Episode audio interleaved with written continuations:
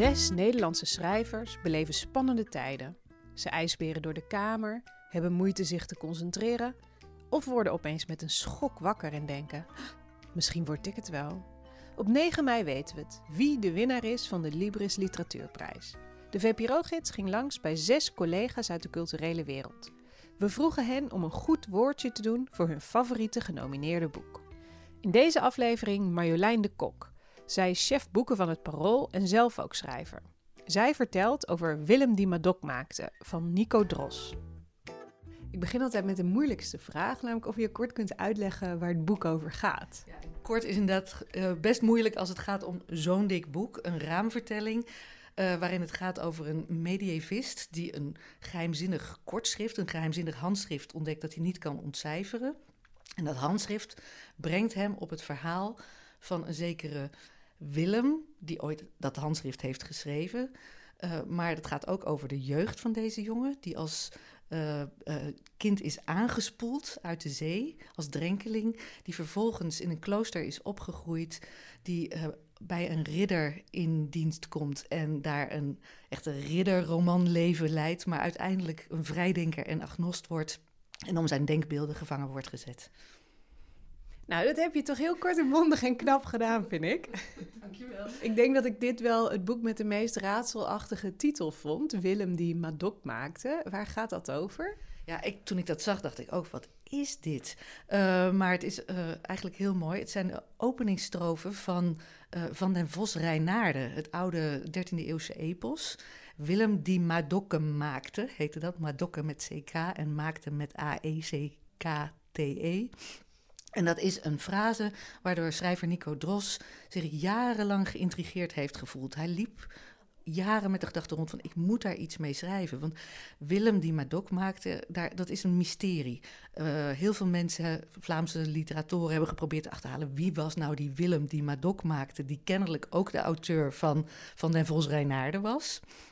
Uh, en uh, Nico Dros had de hele tijd het idee van ik moet dat verhaal vertellen. Maar op een gegeven moment dacht hij, hij liep daarin vast.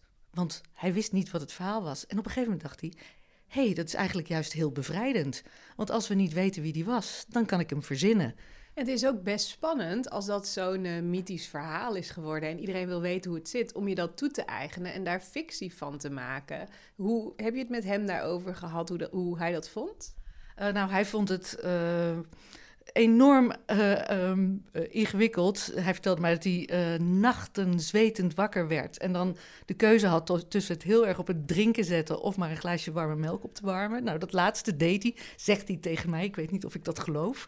Um, maar ja, het is natuurlijk een enorme puzzel geweest. Ook omdat hij in stijlen, dat vind ik ook heel knap aan het boek...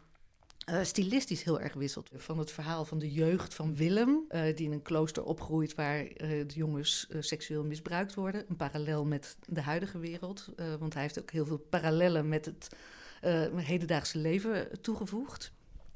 En wat, toen jij het boek aan het lezen was, waar, waar sloeg jij op aan? Was dat al die verschillende stijlen die hij toepaste of de, de inhoud? Wat vind je mooi aan het boek?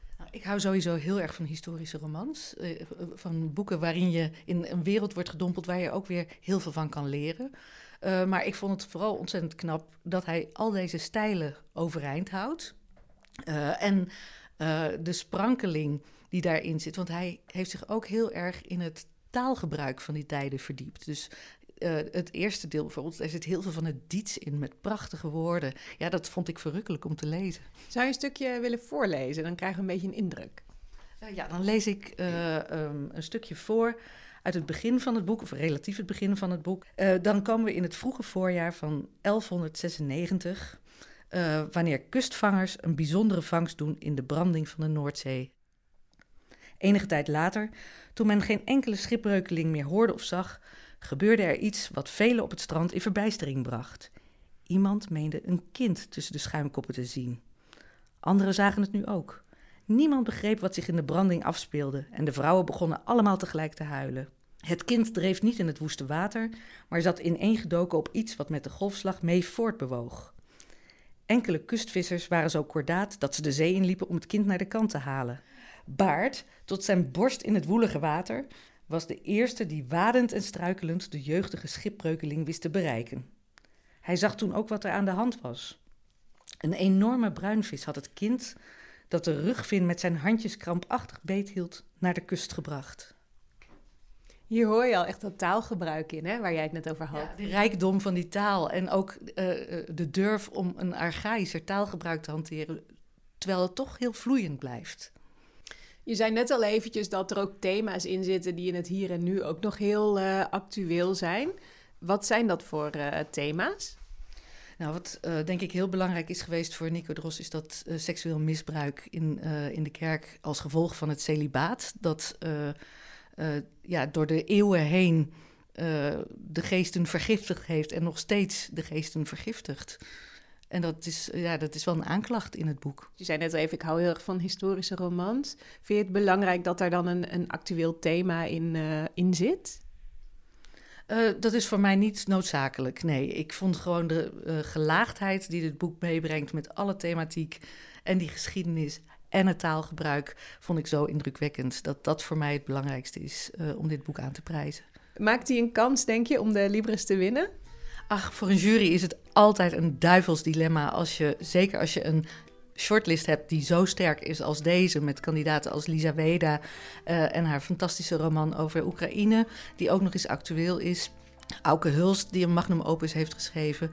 Uh, twee andere kandidaten die waanzinnig mooie boeken hebben geschreven, die normaal gesproken misschien als outsiders gelden. Maar de hele short, de longlist van de Libris was al een bijzondere lijst met veel debutanten en uh, boeken die niet binnen de reguliere kritieken vaak vallen. Um, dus ik denk dat alles mogelijk is.